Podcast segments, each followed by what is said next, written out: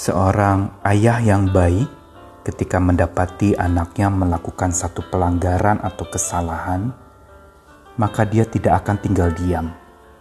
Dia akan bertindak, menegur, memarahi, bahkan kalau bisa menghukum karena kasih sayangnya kepada anak itu. Dia tidak mau anaknya tetap ada di dalam jalan yang salah, dan dia mau menuntunnya ke jalan yang benar, mendewasakan anak itu. Saya Nikolas Kurniawan menemani kita dalam sabdanya menyapa kita lagi hari ini dari Yeremia pasal yang ke-15 ayat 5 sampai yang ke-7. Siapakah yang akan merasa kasihan terhadap engkau hai Yerusalem? Dan siapakah yang akan turut berduka cita dengan engkau? Siapakah yang akan singgah untuk menanyakan perihal kesehatanmu? Engkau sendiri telah menolak aku, demikianlah firman Tuhan, telah pergi meninggalkan aku. Maka aku mengacungkan tanganku dan membinasakan engkau. Aku sudah jemu untuk merasa sesal.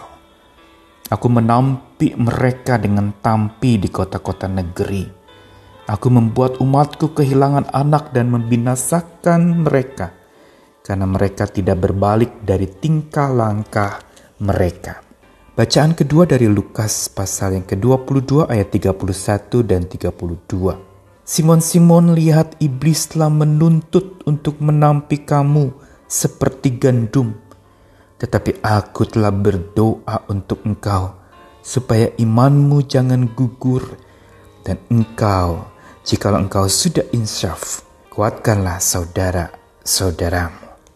Umat Israel adalah umat pilihan Tuhan dan Yerusalem adalah pusat ibadahnya. Umat Israel adalah umat kesayangan Tuhan. Begitu pula Petrus, murid yang dipilih oleh Yesus. Kedua-duanya adalah orang pilihan, bangsa pilihan, disayangi dan dikasihi oleh Tuhan, Bapa Surgawi kita.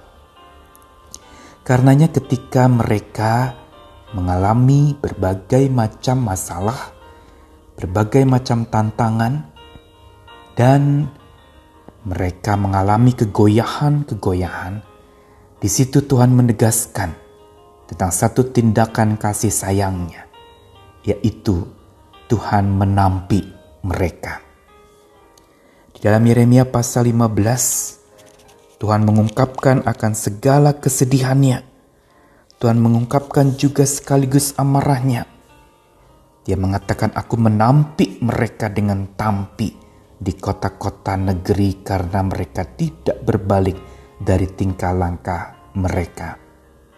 Dan kepada Petrus Yesus juga pernah mengatakan, Simon, Simon, iblis menuntut untuk menampi engkau. Saudara, Penampian adalah sebuah penggoyahan. Ditampi itu berarti ditaruh di sebuah alat tampi, lalu digoyangkan, lalu ada yang tertumpah, dan yang tertumpah dari tempat tampian itu adalah sesuatu yang tidak berbobot, sesuatu yang sangat ringan, sesuatu yang justru memang harus dibuang. Dari gandum dari beras atau apa saja yang ditampi. Begitu pula hidup iman kita sebagai orang percaya. Tuhan tidak segan-segan menampi kita.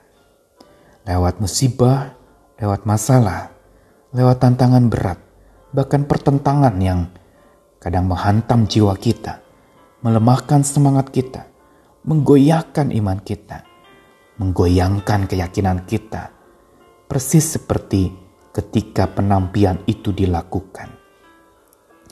Mengapa Tuhan melakukannya buat kita? Justru karena Tuhan punya maksud untuk supaya setiap kita mengalami yang namanya proses pendewasaan oleh tangan Tuhan. Penampian adalah masa ujian di mana justru ketika kita digoncangkan akan tersisa sisi yang terbaik dari diri kita di alat tampi itu. Dan sisi yang buruk itu akan jatuh, terbuang tak ada lagi dalam hidup kita. Itulah yang Tuhan lakukan buat Israel umat kesayangannya. Itulah yang juga Yesus izinkan dan lakukan buat Petrus, murid yang kemudian akan dipakai menjadi rasul yang melayani. Penampian memang tidak enak, tapi penampian justru ingin memunculkan sisi yang terbaik dari diri dan hidup kita.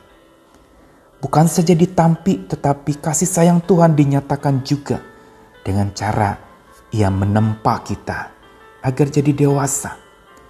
Ditempa pun adalah satu tindakan yang tidak enak. Kita seperti ditindih beban berat. Kita seperti sedang digencet, dibuat menjadi sempit, dibuat menjadi terhimpit.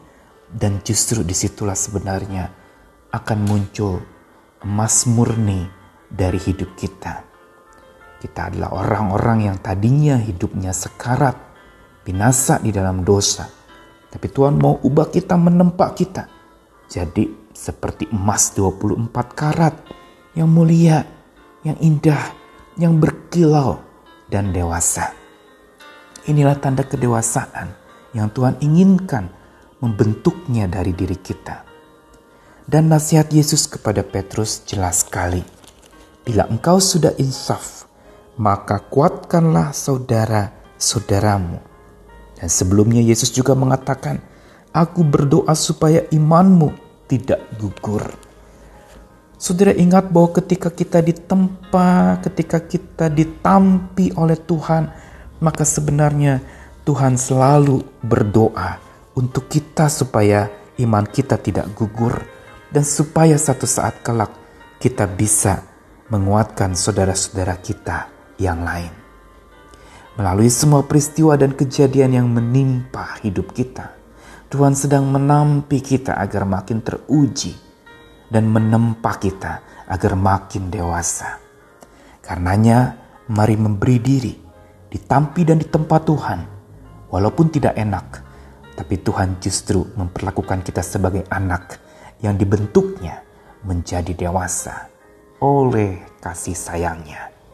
Selamat didewasakan, dibentuknya jadi pribadi yang indah di matanya dan melayaninya seumur hidup kita. Amin.